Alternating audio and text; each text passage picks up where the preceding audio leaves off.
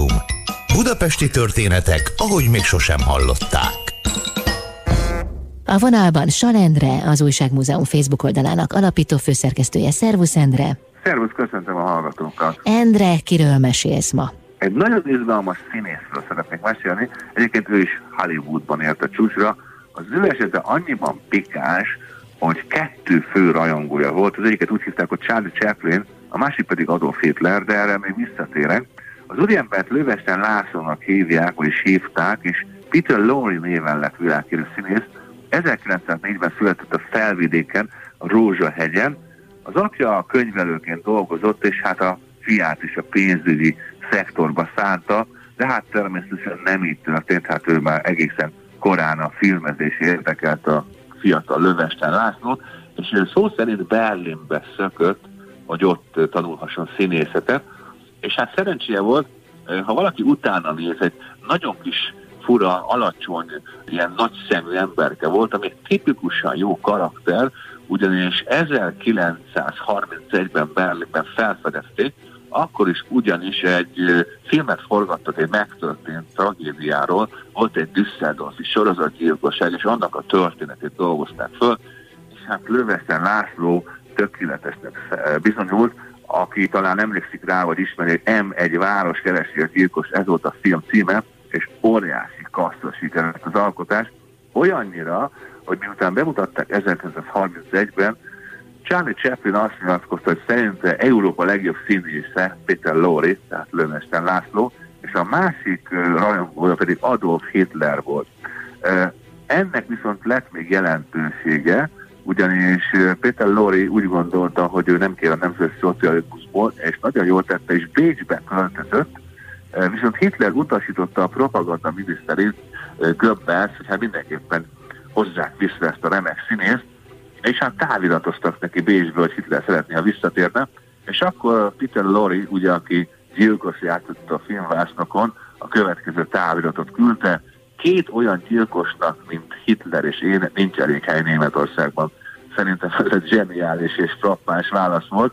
Ennek hatására viszont Bécset is el kellett hagynia, és rövid kitérővel Párizs és London érintésével kötött ki Hollywoodban. Hmm. És mi történt vele később? Hát később rögtön megérkezett. Ő akkor már nem, tehát egy Chaplin kritika után, egy pozitív kritika, kritika után nem csoda, hogy Alfred Hitchcock a krimifilmek apostola is felfedezte, és hát több filmében szerepelt. Egyébként rengeteget tett az Amerikába utazó magyarok, a Lövesten László. Tehát ha valaki Hollywoodba érkezett, akkor várható volt, hogy a baba arcú gyilkos, hiszen csak úgy nevezték, akkor vendégületje a házában Hollywoodban. Egyébként nagyon érdekes, hogy kint viszont egy nyomozó szerepében lett legendás, méghozzá egy japán nyomozóéba, Mr. Motónak hívták. A forgatások előtt fél napon keresztül maszkírozták japán nyomozóvá, tehát japánnál Löveszen Lászlót, és hát egy, egy, egy nagyon humoros, nagyon szerethető karaktert épített, és mondhatjuk azt, hogy a legnagyobbak játszott együtt.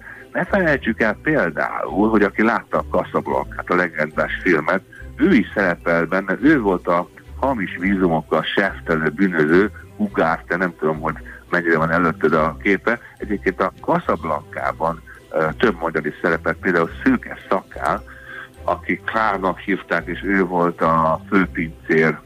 Visszatérve Lömesten László életére, hát ugye minden leáldozódik egy idő után, a második világháború után már kevesebb szerepet kapott, és 1963-ig mindösszesen 7 filmben tudott szerepelni, és az volt az utolsó filmje.